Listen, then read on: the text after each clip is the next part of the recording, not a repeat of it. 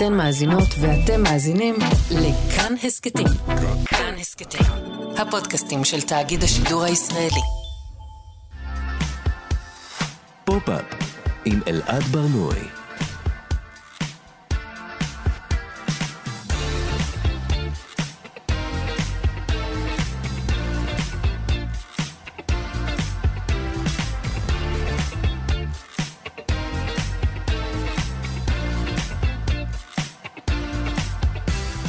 שלום, בוקר טוב, כאן תרבות, אתם על פופ-אפ. בכל שבוע אנחנו מדברים כאן על התרבות שמעניינת באמת. כל יום חמישי בשעה 10 ב-105.3, ב-104.9 FM. ניתן להאזין לנו גם כהסכת באתר של כאן, ביישומון של כאן וביישומוני המוזיקה וההסכתים השונים.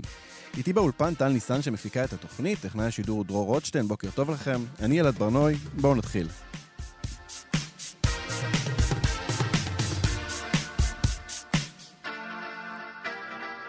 אפשר לומר בזהירות מסוימת שהימים קצת מתוחים אה, מבחינה פוליטית. אה, תנועות פוליטיות טקטוניות מתרחשות בישראל, מחאות, חיכוכים. אם יש דבר אחד שאפשר להסכים עליו היום, זה שמדובר בימים של חוסר הסכמה. אה, לצד המחלוקות הפוליטיות אה, נשמעים גם לא מעט קולות שקוראים להידברות, לאחדות, למציאת אה, מכנה משותף. והיום בתוכנית אנחנו נדבר על מחלוקת ואחדות בתרבות הפופולרית. איזה רעיון פוליטי יכול לגרום לאומנים להתגייס או להתאחד סביבו? האם אומנים יכולים או צריכים אה, להביע עמדה פוליטית? והאם באמת זה סיכון שאומנים אה, לוקחים על עצמם שהם מביעים עמדה, או שמראש מדובר בסיכון מחושב? נדבר גם על פרסומות. והאפשרות של פרסומאים להביע עמדה פוליטית, וגם מה קורה לנו במוח כשאנחנו מסכימים על משהו, לעומת כשאנחנו בזמן מחלוקת. פופ ופוליטיקה הם שני נושאים שכאילו לא אמורים להתערבב ביחד. כמו שמן ומים, כמו עופרה וירדנה, כמו שר ומדונה, אין קשר בין השניים. אבל לאורך השנים, מיטב האומנים בארץ ובעולם הצליחו אה, מדי פעם להתאחד סביב אה, מטרות פוליטיות וחברתיות. אלו מטרות? שאלה טובה. בואו נתחיל.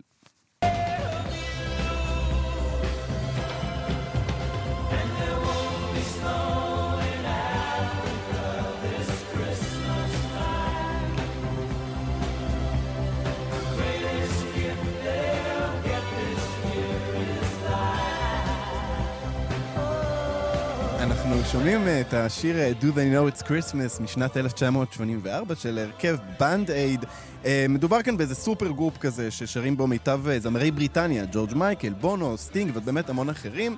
הם שרים על הרעב באתיופיה, הם שרים על זה שכרגע לא יורד שלג באפריקה, ועל זה שהם אפילו לא יודעים שחג המולד. המטרה כאן כמובן הייתה לגייס כסף למען רעבים באפריקה. המון ביקורת נשמעה כלפי השיר הזה, כי מה הקשר בין אזרחי אפריקה, מדינות אפריקה לבין חג המולד, אבל כן, בכל זאת הייתה כאן איזושהי התאחדות של מיטב אומנים סביב איזושהי מטרה. השיר הזה הפך להיות מין בסיס להמון המון המון המון שירים אחרים.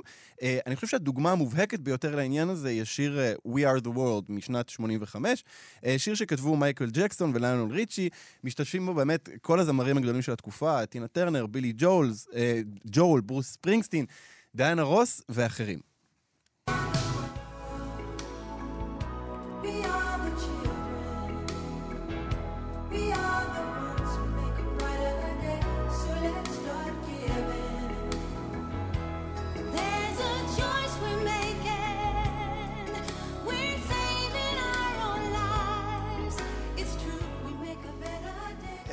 גם כאן מדובר אה, בשיר שהשיר מדבר על הרעב באפריקה, לעזור לאחרים. אמנם אה, נאמרת שם השורה, אמ, כולנו חלק מהמשפחה הגדולה של אלוהים, אבל מדובר בשיר, נאמר, די כללי במה שהוא אומר. כלומר, התאחדות סביב רעיון שכולנו יכולים להסכים עליו, רעב זה דבר רע. אה, בואו נילחם בו. עכשיו, 85 הייתה שנה שבה יצאו בלי סוף שירים מהסוג הזה. בואו נשמע את הבא.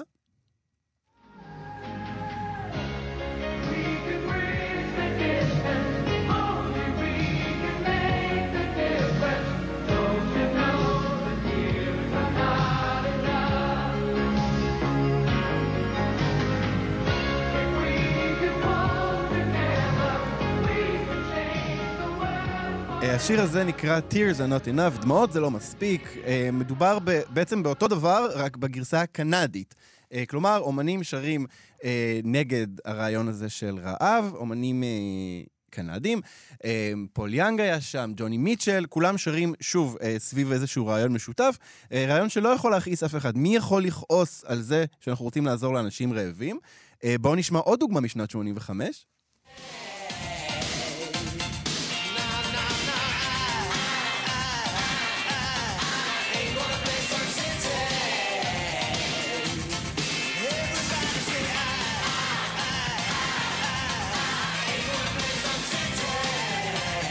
השיר הזה נקרא Sun City, שר אותו אה, הרכב שנקרא Artists United Against Apartheid. גם כאן אה, מדובר באגודה אקטיביסטית שמנסה להילחם באיזשהו משהו רע שקורה באפריקה. אולי כאן באמת אפשר לומר, יש כאן אמירה קצת יותר ספציפית, מדברים נגד אפרטהייד, בתקופה שבה כבר במערב יצאו באופן ישיר נגד האפרטהייד בדרום אפריקה. אבל אה, גם אצלנו הייתה אה, מהדורה של, אה, אפשר לומר We are the world, צריך לתאר רגע את הסצנה הזאת, אנחנו מכירים את הדבר הזה, נכון? זה אומנים, כולם עומדים באולפן כזה, הם חגים סביב מיקרופונים, מחזיקים את האוזניות טוב טוב כדי שלא ייפלו, נכון? ושרים על איזשהו משהו בכוונה מאוד מאוד גדולה. הדוגמה שאנחנו נשמע עכשיו היא באמת מאצלנו, והיא נקראת עם אחד, שיר אחד. עם אחד עם שיר אחד, המנגינה לעולם תישאר. עם אחד עם שיר אחד, נשאיר לכם כי אתם לא לבד. כולנו ביחד למען כולם, בתקווה שנגיע וישמע העולם. אמ, בשיר הזה, שכתב אותו אה, אלון אבידר, הלחין אה, אה, דוד קריבושי, זה, השתתפו 58 זמרים. באמת, אני לא חושב שיש זמר ישראלי שלא השתתף בשיר הזה, ואם כן, הוא בוטל באותו רגע. אמ, עכשיו, אם אנחנו נתייחס רגע למילים של השיר הזה, קשה להבין על מה הוא. כלומר, אם השירים הקודמים עסקו ברעב באפריקה, כאן פחות אפשר אה, אה, לסמן משהו ספציפי. היום השיר שלנו יוצא מתוך הלב, כמו דמעה יתומה מליבי הכואב, ילד מצא קרן אור לחייו, שעוטפת אותו ושומרת עליו, אני מדלג לפזמון. עם אחד עם שיר אחד, המנגינה לעולם תישאר, נשיר לכם כי אתם לא לבד, כולנו ביחד למען כולם, בתקווה שנגיע וישמע העולם, עם אחד, שיר אחד. אמ, אפשר לעשות כל מיני פרשנויות לדבר הזה, אולי המילים עם אחד הן אה, אומרות איזושהי אה, אמירה פוליטית מסוימת, אבל סך הכל מדובר כאן בשיר אה, בלתי מזיק, שקשה לצאת נגדו, למה שנצא נגד דמעה שיוצאת מהלב? הדוגמה הבאה שיש לנו היא גם ישראלית, היא משנת 95. זה שיר שכתב מאיר אריאל, הלחין אותו ארכדי דוכין, והוא נקרא כתונת פסים. כן, כל הצבעים עוד יזהירו לכל הצדדים בעולם.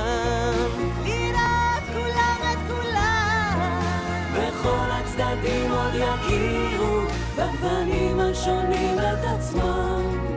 ויותר הצבעים לא יסתירו אדם מאדם, דם מדם. השיר הזה הופק אה, בשנת 95 על ידי גלי צה"ל, זה היה חלק ממסע הסברה של משרד הקליטה. אמ, ופה יש אמירה די מובהקת, אנחנו ממש יכולים לשמוע את ה...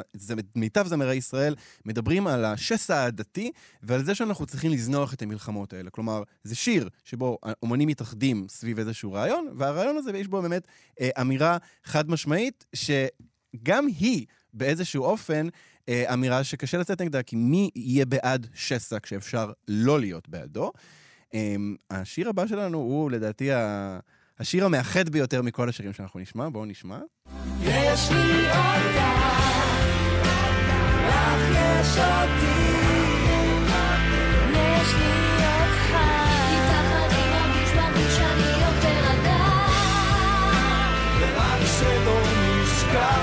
אומני ישראל למען ההולכים על ארבע. אה, מדובר שיר אה, על כלבים, על בעלי חיים, ועל זה שכולנו צריכים, אה, בשביל להיות בני אדם, אנחנו צריכים איתנו חיה שתעזור לנו, אורנה בנאי, דנה דיני, דניאל סולומון, כולם השתתפו בשיר הזה. שוב, מטרה שקל להתאחד סביבה, כלבים. מי יהיה נגד כלבים? עכשיו, מכל השירים האלה, אני חושב שהשיר, הלהיט הגדול ביותר, השיר הראשון שעולה לאנשים בראש כשאומרים איזה שיר אומני ישראל שרו ביחד, הוא השיר שבט אחים ואחיות.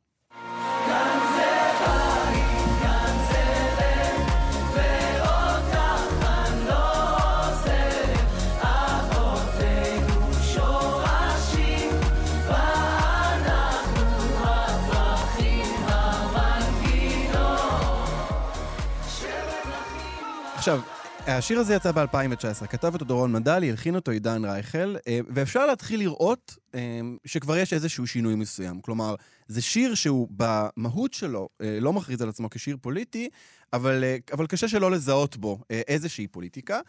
70 שנה במכונית, אני נוסע ומביט על מה ומה נהיה ואיך נפשי עוד הומייה, ציטוט של התקווה כמובן.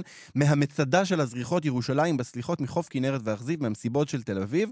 אבי חלם והתפלל לחיות בארץ ישראל, היום ילדי אותי שואל מה הסיפור של ישראל. כלומר, מדובר בשיר שמדבר על שבט אחים ואחיות, וכמובן שהוא מדבר על העם היהודי בסופו של דבר. אז כבר כאן אנחנו מצליחים לזהות איזושהי פוליטיקה, אה, אולי לאומית, אולי אה, אתנית, אה, שמגיעה בשירים האלה. האחדות הזאת היא אחדות שכבר אפשר לסמן אותה כפוליטית יותר, גם אם היא לא רוצה לסמן את עצמה ככזו. בזמן הקורונה, יצא גם שיר מהסוג הזה, מאותו סוג, אומנים באולפן, עם אוזניות והכול. הפעם הם היו גם עם מסכות, והם בעצם שרו על, על הקושי של התקופה הזו, ועל זה שאנחנו נתגבר על זה.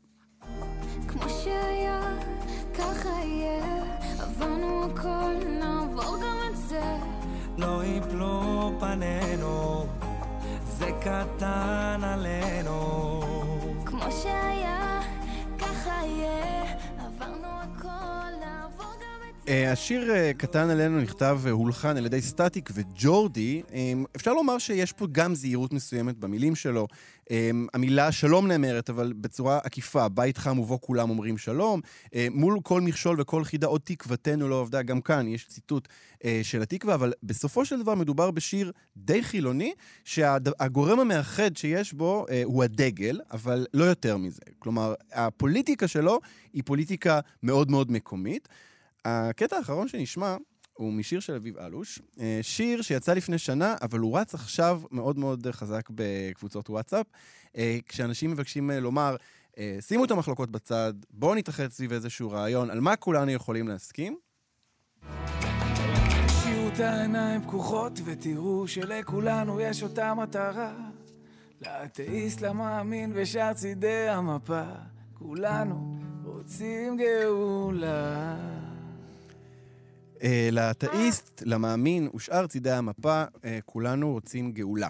אה, לפי מילון רב מילים, המילה גאולה פירושה הצלה, ישועה, שחרור משעבוד, חילוץ ממצב כשר ממקום לא נעים, ולמטה מונחת הדוגמה, היהודים בגלות ציפו לגאולה שתבוא להם עם בוא המשיח.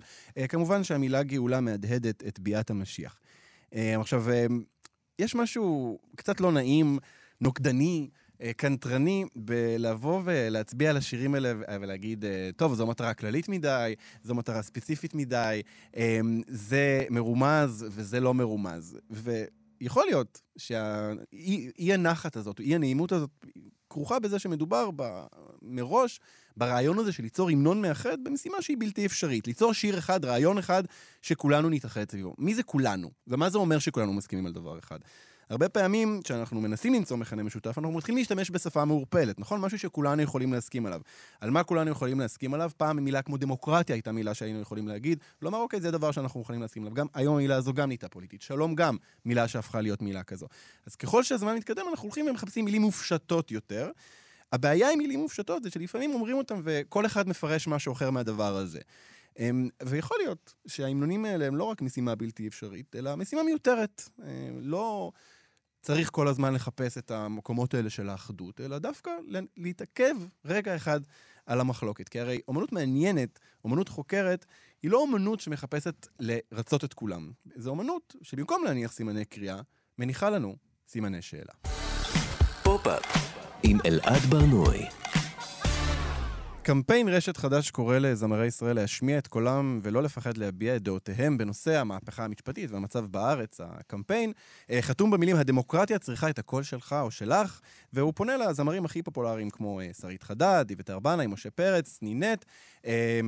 כל אה, אה, פרסום כזה יש בו שורה משיר, למשל, יש לי סיכוי להינצל אני יודע, של אביתר בנאי, ומתחת כתוב, אביתר, ישראל מתה לשמוע אותך. אבל כמו שאנחנו יודעים, אה, אומנים בישראל מהססים להביע עמדה פוליטית, אה, וזה נושא שעולה לדיון לא מעט, וגם אנחנו נדבר על הנושא הזה בדיוק ממש עכשיו, ונעשה את זה עם גבי בר חיים, עיתונאית בשבעה ימים ושבעה לילות בידיעות אחרונות. בוקר טוב, גבי.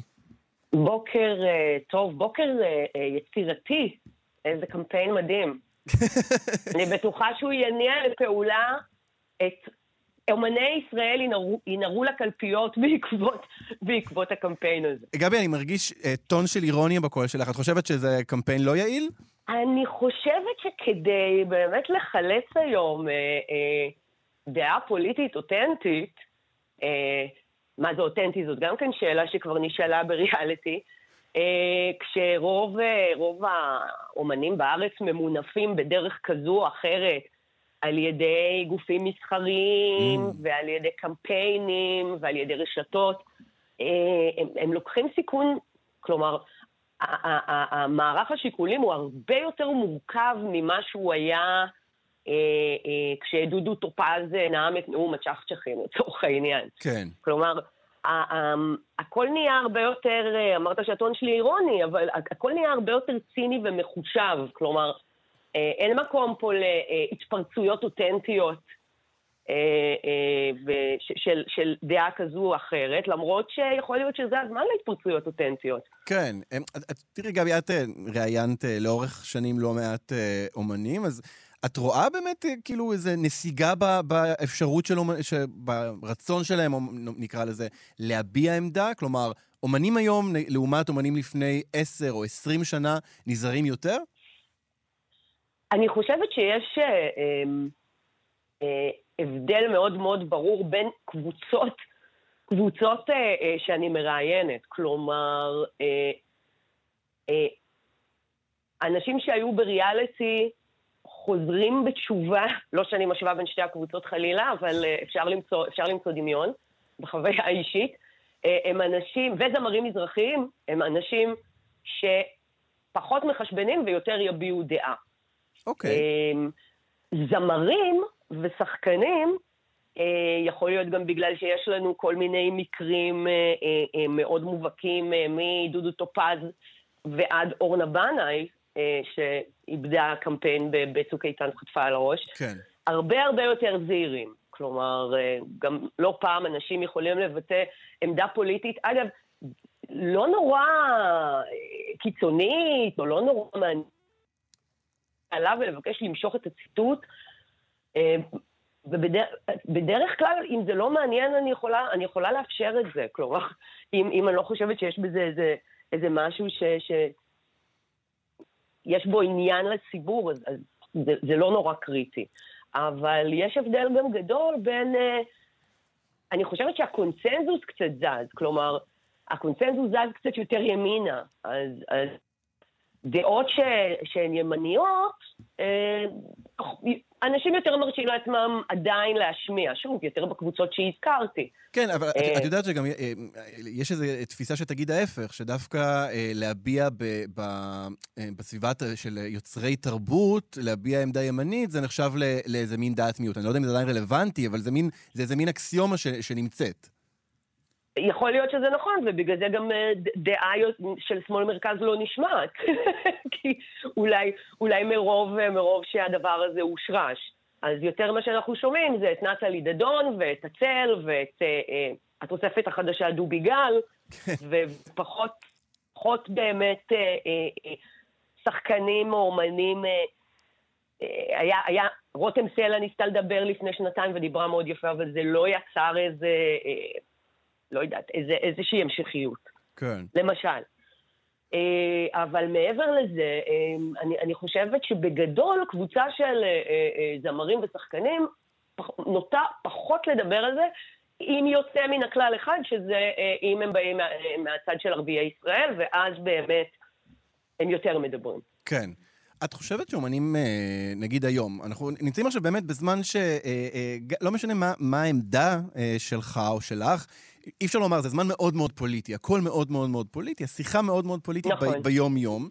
את חושבת שזה באמת זמן שאומנים אמורים עכשיו להתגייס ולהגיד מה שהם אומרים לכאן או לכאן? אני חושבת ש, שהשאלה היא אה, מה, מה המקום של האומנות היום. פעם אומן היה נחשב לאדם שהוא, שהוא איש רוח.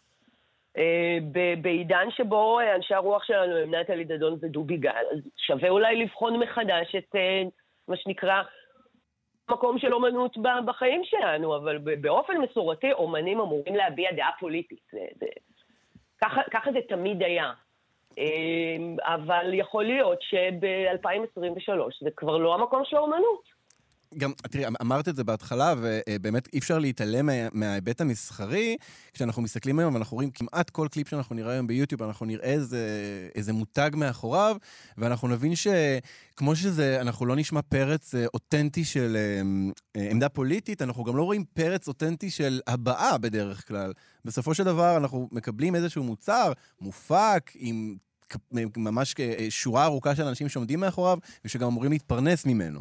נכון, נכון. כלומר, במידה, במידה מסוימת האומנות הפופולרית היא, היא, היא כבר כל כך סרוגה ב... ב... ב...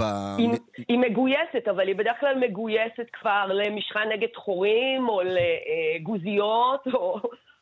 אה, אלה פחות. גבי, אנחנו ממש צריכים לסיים, אבל אני רוצה לשאול אותך, קרה לך פעם שראיינת מישהו או מישהי, אה, והם אמרו איזושהי אמירה אה, פוליטית, ואמרת להם, אתה בטוח שאתה רוצה להגיד את זה? אולי עדיף לך להיזהר? קרה את הדבר ההפוך הזה מזה שאומנים מושכים את האמירות הפוליטיות שלהם בעצמם? אני, אני חייבת לציין שאני מאוד מאוד מנסה שלא להגיד את זה, כיוון שאני יכולה להתווכח עם אומן, ושזה יהיה לרקורד, לצורך העניין, כשאברי גלעד דיבר על זה שמוסלמים הגיעו לאירופה כדי לאנוס ולבזוז, אז היה, היה, היה פינג פונג די מעניין, ומצד שני, אני, אה, היה מי שאמר משהו דומה אה, אה, על ערביי ישראל, וגם היה איזה, איזה דיבור כזה, ובסוף בסוף אמרתי לו, תראה, אני חושבת שזה...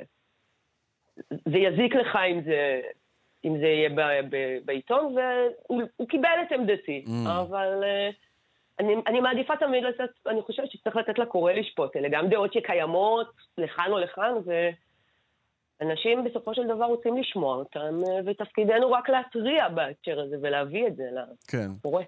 טוב, אני חושב שבאמת השאלה שהעלית זה באמת מה התפקיד של אומנות ושל תרבות היום, ואני חושב שזו בדיוק השאלה שאומנים וזמרים, שחקנים, צריכים לשאול את עצמם מה, מה התפקיד שלהם, מה המקום שלהם, אם הם רק באים אה, אה, למכור לנו מוצרים, או שאולי באמת יש להם איזשהו תפקיד אה, בחברה. גבי בר חיים, תודה רבה לך על השיחה הזאת. תודה רבה, דש לאביתר בנאי. אני אמסור. יאללה, ביי ביי. פופ-אפ עם אלעד בר-נוי. Uh, טוב, אז דיברנו על uh, גורמים מסחריים, על מכירות, על קמפיינים ממומנים, מתוך הנחה שגורמים מסחריים uh, יימנעו מלהביע עמדה פוליטית, כי זה עלול לפגוע במכירות שלהם, וזה הדבר היחיד שמשנה. אבל אפילו לקפיטליזם המאוחר יש uh, מורכבויות, ובדיוק עליהן אנחנו הולכים לדבר עכשיו, ונעשה את זה עם דורית גבילי, מנהלת פעילות קבוצת פובליסיס ישראל. אהלן, מה נשמע? מצוין, תודה. יופי. דורית, אני פשוט אשאל אותך את זה בצורה הכי ישירה. אפשר להביע עמדה פוליטית היום בפרסומת? אפשר להביע עמדה פוליטית היום בפרסומת, אם אתה לא פוגע בקהל הצרכנים שלך. אני מקווה שזו תשובה מספקת. בואי בוא, בוא נפרק את זה. מה הכוונה? מה, מה יכול לפגוע בקהל צרכנים? אמירות שאינן אה, עולות בקנה אחד עם עולם הערכים שלהם. נגיד את זה באופן הכי כוללני, אבל אפשר גם אה, להיכנס ליותר פרטים. זהו, כי, אה, כי, כי בעצם יש היום משהו שאפשר להגיד שהוא לא יפגע במישהו? כן, ודאי. אה, אפשר לראות קמפיינים חברתיים סביב אה, חרמות חברתיות, שהמון גופים מסחריים אה, לוקחים ומרימים את הדגל, בהנחה שהקהל שלהם בני נוער, ויש פה עניין של סט ערכים שמנסים להעביר. בשנים האחרונות ראינו את כל חברות האופנה והביוטי והקר מדברים על כל עולם הדימוי העצמי. Uh, אתה נכנס היום לחנות של נייקי ויש שם בובות בכל הגדלים ובכל המינים ובכל הצבעים. קמפיין שהיה בארצות הברית פחות רלוונטי לנו כאן בארץ, אבל הוא, הוא קמפיין שיכול להתאפס פוליטית. Uh, Black Lives Matter, שהמון גופים מסחריים uh, קידמו אותו. כן. Uh, מפרזנטורים, דרך uh, קמפיינים uh, שדיברו על זה. זאת אומרת, יש המון תחומים שהם, בוא נגיד את זה ככה, uh, קונצנזוס. אה, בארץ אפשר לראות המון קמפיינים סביב יום הבחירות, אה, שמעודדים גופים מסחריים אה, שמעודדים ללכת ולהצביע. היום, אם אנחנו ניכנס לתקופה שלנו, שאני בטוחה שלשם אתה מכוון, אז באמת אפשר יהיה לראות בזמן הקרוב קמפיינים שמדברים על הידברות ועל זה שאנחנו עם אחד ומדינה אחת, mm. השיסוע, זאת אומרת לבוא ממקום אחר לתוך הדבר הזה. לא כן פסקת ההתגברות, לא פסקת ההתגברות, אבל, אבל כן סט הערכים שיותר משותף אה, לכל הישראלים, אני חושבת. כן, היה, היה ממש אה, לפני כמה שבועות את, ה, אה, את העניין הזה עם עיתון הארץ, שפרסמו את המילה דמוקרטיה על עזריאלי, והדבר הזה נפסל לפרסום, ואחרי זה כמובן הם חזרו בהם, אבל, אבל אפשר קצת לראות איך הצדדים הולכים ונהיים, הצעדים הולכים ונהיים צרים יותר, נכון? צריך טיפה יותר להיזהר היום, כי אפילו מילה שהיא אמורה להיות מילה שכולנו מסכימים עליה, דמוקרטיה, אה, מקבלת איזשהו מטען פוליטי. לגמרי. אני דגל ישראל הפך להיות משהו פוליטי. זאת אומרת, אנחנו הולכים על משהו שהרבה יותר קיצוני. היום דגל ישראל נתפס כחלק מהסמלים של, אה, של כל מי שמתנגד לרפורמה, וחלק מהסמלים של ההפגנות. זאת אומרת, הסמל של המדינה הפך להיות משהו שהוא אה, פוליטי. אם דגל ישראל הפך אותו. להיות מזוהה עם המחאה? דגל ישראל בפירוש, זה אחת ההצלחות, או, או תלוי מאיזה צד אתה מסתכל על זה, אבל גם אפילו בהצבעה על הרפורמה, אה, חברי האופוזיציה, אה, לא יודעת אם ראית את זה, כן, אה, עטו על עצמם. את הדגלים והוצאו נכון, החוצה. והקהל שהיה ביציע, גם עטה דגלים, זאת אומרת, זה הפך להיות סמל מחאה. אה, עוד פעם, אפשר לשבת, רק על זה אפשר לנהל שיחה, מאיפה לקחו את זה, מהמקום של הדגל פלסטין שהיו, שראו בתוך ההפגנות, ומשם לקחו את זה לדגלי ישראל, שאפשר לראות אלפים כאלה בכל הפגנה. כן. זאת אומרת, גם זה בסוף אה, הוא סוג של אה, פרסום ו branding. מעניין מאוד, האמת שבתקופת ההתנתקות, אני זוכר שהיו את הסרטים הכתומים, אה, ומנגד, מי שהיו בעד ההתנתקות לקחו את הסרטים בצבע כחול ולבן, והייתה על זה המון המון המון ביקורת, על זה שאתם מסמנים את הצבעים כחול לבן כאיזה מין עמדה אחת, אבל בעצם אה, אה, אתם מנכסים כאן את הדגל שאמור להיות הדגל של כל המדינה. כן, אבל פה אני חושבת שזה זה לקח את זה למקום אחר, כי זה באמת בא כאיזשהו statement והכרזה, בטח אה, אה, למול זה שהייתה ביקורת שיש אה, דגלי פלסטין, זאת אומרת, זה כן היה פה משהו שהוא ב scale הרבה הרבה יותר גדול. את חושבת היום ש... אם מישהו הולך ברחוב עם דגל ישראל, אתה מבין שהוא חלק מהמחאה, כן? זאת אומרת, זה, אין, אין דרך אחרת לפרש את זה. וואו. וואו, אה, את חושבת שהיום אה, אה, אה, גופים מסחריים אה, ייקחו סיכון בזה שהם יביעו עמדה חד משמעית אה, ביחס למשהו? אה, אני זוכר פעם אחת אה, בנק אה, שפרסם אה, משהו על, על התקיפה בעזה, הם, היו, הם כתבו משהו שאנחנו נעבור את זה, אנחנו ננצח את זה, וזו הייתה, אפשר לומר, עמדה פוליטית מסוימת, תמיכה בתקיפה של ישראל. אבל את חושבת ש, שהיום יהיו גופים מסחריים גדולים שיקחו על עצמם את הסיכון הזה? אה, אני, אני לא חושבת, כי בסוף, עוד פעם, נורא תלוי מי הקהל שלך, אתה מתפרנס ממנו, זה לא הוגן לפגוע במישהו. אם יש לך קהל שתומך ברפורמה, לצורך העניין, אם אנחנו מדברים ספציפית על זה, ו- ואתה בא ואומר, לא, אני נגד, אתה לוקח בחשבון שהוא לא ירצה לרכוש את הדברים שלך יותר, או שאתה פוגע באיזשהו דרך.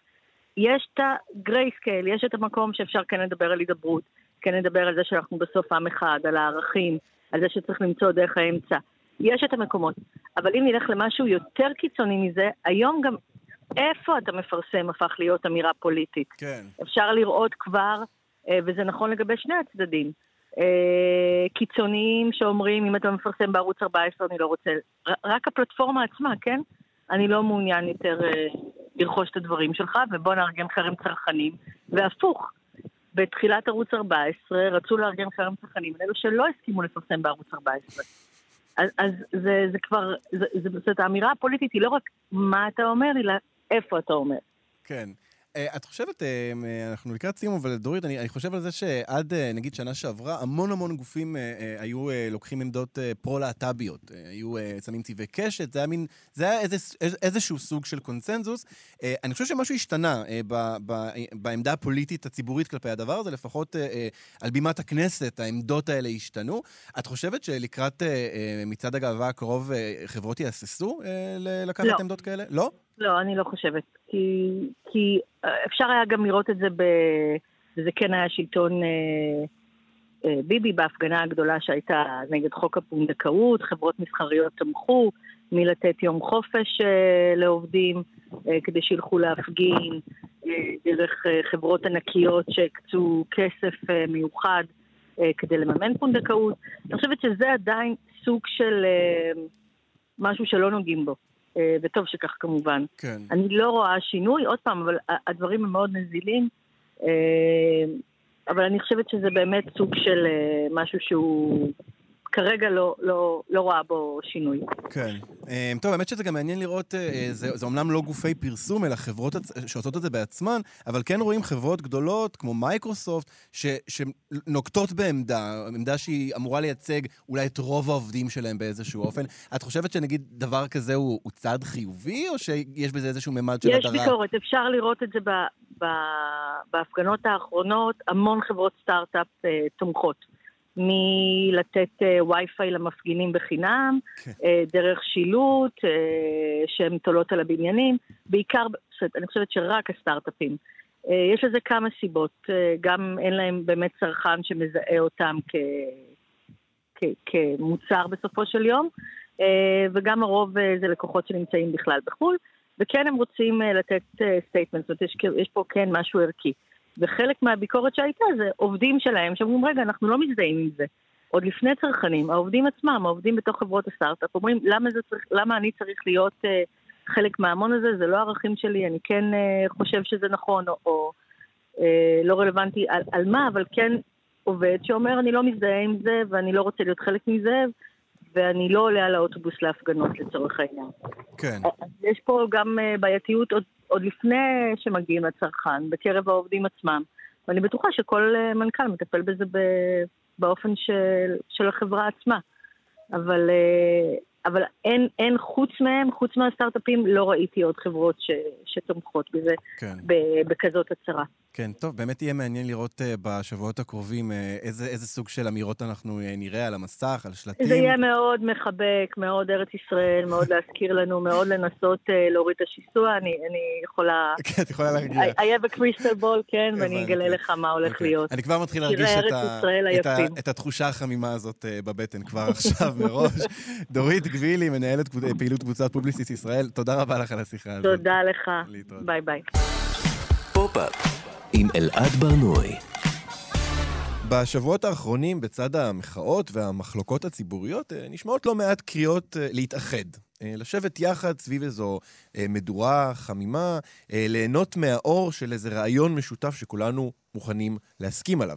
כלומר, לא להכחיש את זה שיש מחלוקות, אבל כן לנסות להתמקד במשותף. אבל למה בעצם אנחנו מחפשים סביב מה להתאחד? נשמעת כמו שאלה טריוויאלית, אבל בואו ננסה רגע להבין מה קורה לנו במוח בזמן שאנחנו מתאחדים סביב רעיון, לעומת מה קורה לנו במוח בזמן מחלוקת. ואיתנו כדי לעזור לנו דוקטור יערה ישורון מבית הספר למדעי הפסיכולוגיה, הוא ספר סגול למדעי המוח באוניברסיטת תל אביב. בוקר טוב, יערה. בוקר טוב אליי.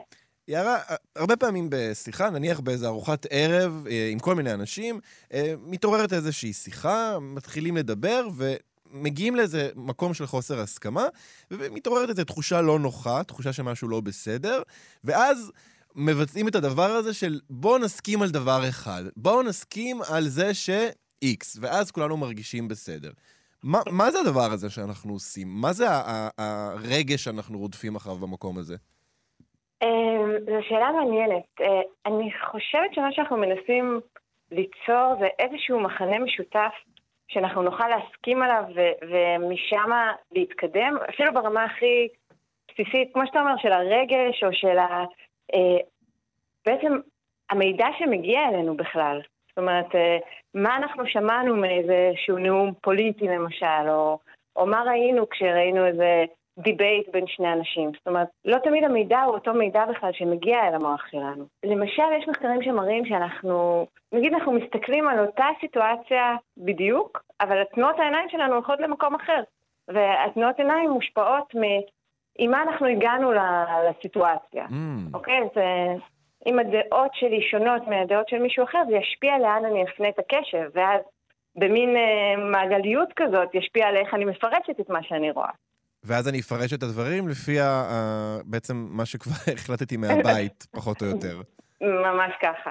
עכשיו, נגיד, אה, כשהזכרתי אה, מקודם בתוכנית, אה, שירים כאלה שהם אומנים עומדים ביחד באולפן, ושרים למען איזושהי מטרה.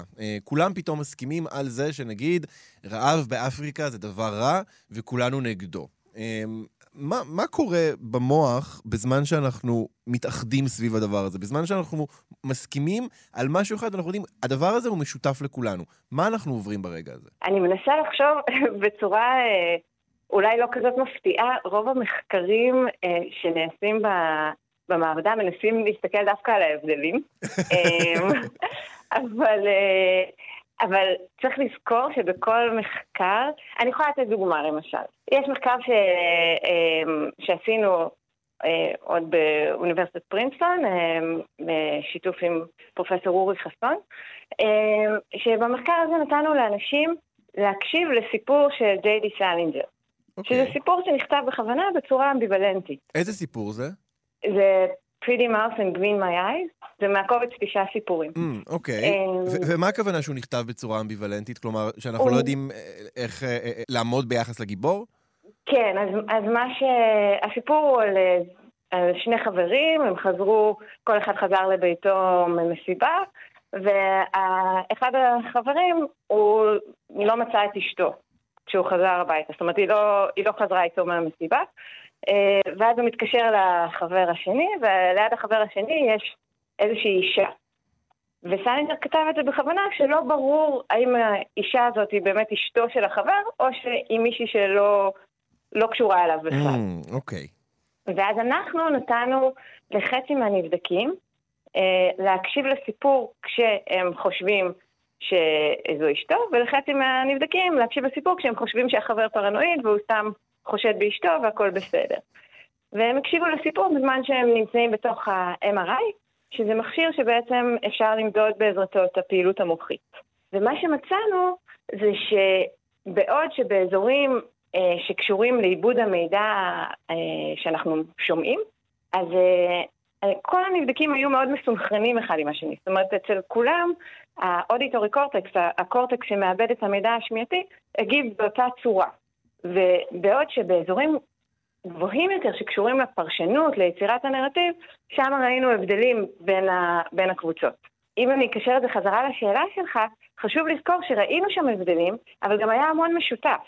אוקיי? גם באזורים האלה, אתה יודע, אם אתה מקשיב לסיפור של סלינג'ר, אתה מבין את המילים, אתה מייצר איזשהו נרטיב שהוא גם לא קשור רק לפרשנות, זה, זה להבין מה קרה בסיפור באופן כללי, מי היה ליד מי, מי אמר מה למי. אבל, שיש- אבל, אבל זה מעניין אותי רגע, כש, כשהם הבינו, אלה שאמרו להם ש, שכן מדובר באשתו, כלומר שיש כאן כן. איזשהו משהו, נקרא לזה, לא יודע מה, בעייתי, מהמם. אמ, זה זה עורר בהם תחושות אה, אה, קשות יותר, שיפוטיות יותר, אה, של מצוקה כלשהי מול זה? אמ, אנחנו יכולים להגיד את זה בצורה עקיפה, אבל את זה אנחנו יכולים להגיד על סמך המידע ההתנהגותי, זאת אומרת, מה שהם אה, דיווחו בשאלות כן. ששאלנו אותם. אבל ספציפית, מבחינת הפעילות המוחית, מה, ש... מה שראינו זה שדווקא באזורים שהם פחות קשורים למצוקה, יותר קשורים ל... אה, נגיד, האם הוא שיקר או לא. אוקיי? Mm. הקונטקסט הזה בעצם יצר מצב שבו בהרבה מה... מהאירועים בסיפור יוצא שאנחנו מבינים שמישהו שיקר למישהו אחר, לעומת שמישהו אמר את האמת. אז אנחנו רואים את ההבדלים באזורים שקשורים ל... ל-theory of mind, ל- ל- ליכולת שלנו להבין את האחר, לשים את עצמנו במקום האחר. אז שם אנחנו רואים את ההבדלים הכי הכי משמעותיים, או באזורים שקשורים ל- להעריך את האופי של בן אדם אחר. אמ, אבל השאלה שלך היא מצוינת, כי, כי בעצם הסיפור, אתה יודע, הנבדקים הקשיבו לו, זה לא שהם הרגישו שהם משקרים או שמשקרים להם. כן. הם, זה דמות בסיפור. לעומת זאת, אה, במחקר שממש אה, התפרסם לאחרונה, את- התחלנו אותו כבר אה, במערכת הבחירות אה, אה, הראשונה מבין החמש כן. האחרונות, אה, אז ראינו את ההבדלים כבר במקומות הרבה הרבה יותר בסיסיים. זאת אומרת, כשמדובר בך וברגשות ובנרטיב שלך שמשפיע ממש עליך, אנחנו רואים את זה כבר באזורים מאוד בסיסיים של עיבוד המידע. מה הכוונה? כלומר, ההבדלים שראיתם היו ביחס בין מה למה? אוקיי, אז זה מה שאנחנו עשינו אה, ב-2019, שהוכרזו בחירות בישראל בינואר 2019, אה, אז החלטנו לגייס נבדקים, אה, שני קצות הקשת הפוליטית, ימנים ושמאלנים, אה, שייכנסו לתוך ה-MRI ובעצם יצפו בכל מיני תשדירי בחירות מימין ומשמאל ובנאומים פוליטיים מימין ומשמאל. אוקיי. אה, וזה נעשה ממש אה, שלושה שבועות לפני הבחירות. זאת אומרת, היה נבדק אחד שהיה יום לפני הבחירות, Mm. בשמיני לאפריל. כלומר, תקופה טעונה כזו. מאוד טעונה, מאוד מאוד טעונה. ומה שבחנו זה, ניסינו לראות האם יש הבדלים בין ימנים לבין שמאלנים כשהם צופים באותו גירוי ממש. אוקיי. ומה שראינו זה, התשובה הקצרה כן, יש, הבדלים. אה, אוקיי, כלומר, אה, אה, הבדלים... ההבדלים הם, הם ביחס ל, ל, להפך, אני מניח, ממה שהם חושבים, נכון? כלומר, אדם שמאלני שראה קמפיין ימני, הגיב באופן, נקרא לזה X, ואדם ימני שצפה בקמפיין שמאלני, הגיב באותו אופן רק לכיוון הנגדי? זה, זה, זו פרשנות אחת, אבל מה שאנחנו בעצם רצינו לעשות זה לקבע את הגירוי. כי קשה מאוד להשוות בין שני, בין שני גירויים ולהגיד משהו אה, שזה נובע מהדעות ולא מהתוכן של הגירוי, ולכן Mm. רצינו לתת בדיוק את אותו תוכן. כי אתה יודע, נגיד בעולם האמיתי, אז ברור שאנשים מסוימים אה, קוראים על אירוע מסוים בהארץ, ואנשים מסוימים יכולים לקרוא עליו במקור ראשון, כן. או בישראל היום, או אה, לשמוע עליו בערוץ 14. ולכן, ברור שהתוכן שמגיע הוא כבר לא אותו תוכן. נכון, נכון. אבל כן אמרנו, אוקיי, בוא ניקח את המקרה הטוב, שהתוכן שמגיע הוא אותו תוכן, ובוא נראה מה קורה במוח.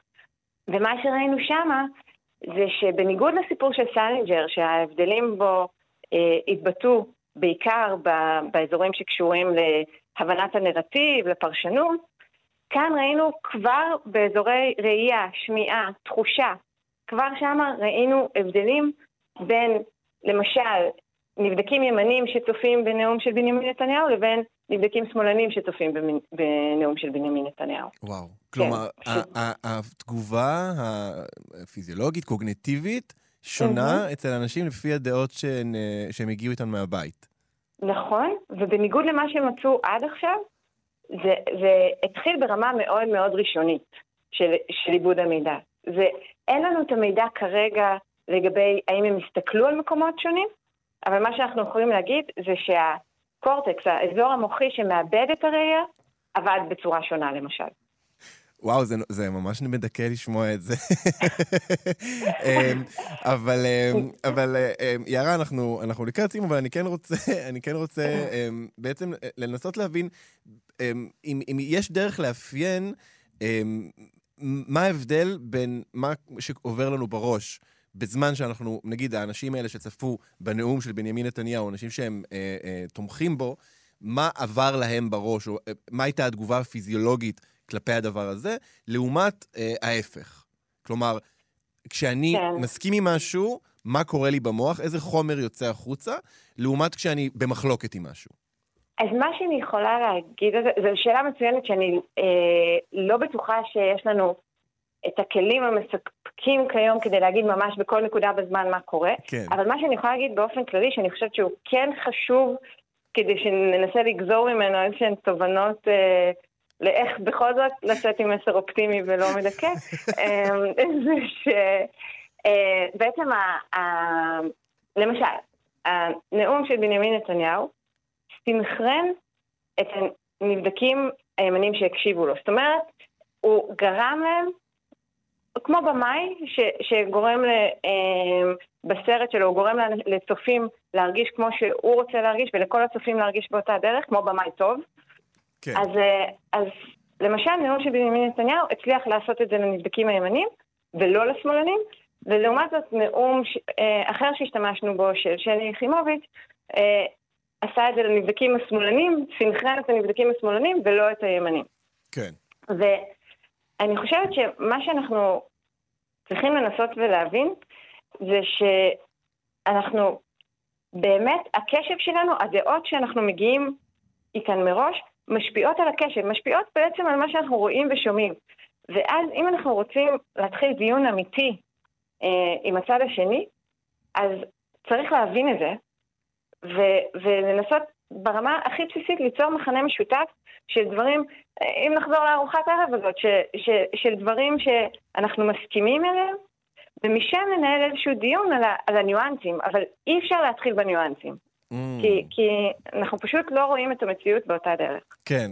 טוב, זה, זה, זה מאוד מעניין, כי כשחושבים על זה, נגיד, בהקשר תרבותי, אז, אה, אז הדבר שעולה לי בראש זה, זה, זה תרבות מאוד משעממת. כלומר, אמ, שיר ש, שכולנו נוכל להסכים עליו, הוא יהיה צריך להיות שיר שמסכים על זה שהשמש זורחת, וגם על זה אני בטוח שיהיו אנשים שיגידו שזה לא נכון. כלומר, אה, נורא קשה להצליח להביא איזושהי אמירה, או אפילו איזושהי הרגשה, נגיד דרך תרבות או אמנות, כשאנחנו, אם יש איזשהו ממד שאנחנו מחפשים לאיזו הסכמה משותפת. כי באמת כל שיר, כל שיר שהשמענו היום בתוכנית, יהיה קבוצה גדולה של אנשים שימצאו מה להגיד על זה שהשיר הזה הוא בעייתי. אה, נכון. אני חושבת שהדרך לא קלה, אבל, אה, אבל יש סיבה לאופטימיות, או אני חייבת לחשוב ככה. כן, טוב, אה, נקווה להצליח אה, למצוא איזה שהן סיבות לאופטימיות. דוקטור יערה ישורון מבית הספר למדעי הפסיכולוגיה ובית הספר סגול למדעי המוח באוניברסיטת תל אביב, תודה רבה לך על השיחה הזאת. תודה רבה לך. פופ-אפ עם אלעד ברנועי. וזהו, אנחנו הגענו לסוף התוכנית פופ-אפ בכאן תרבות. את כל השירים מכל התוכניות אפשר למצוא בפלייליסט מתעדכן, חפשו בספוטיפיי פופ-אפ. תודה לטל ניסן על ההפקה, תודה לטכנאי השידור דרור רוטשטיין, אני אלעד ברנועי, להתראות. אתן מאזינות ואתם מאזינים לכאן הסכתים.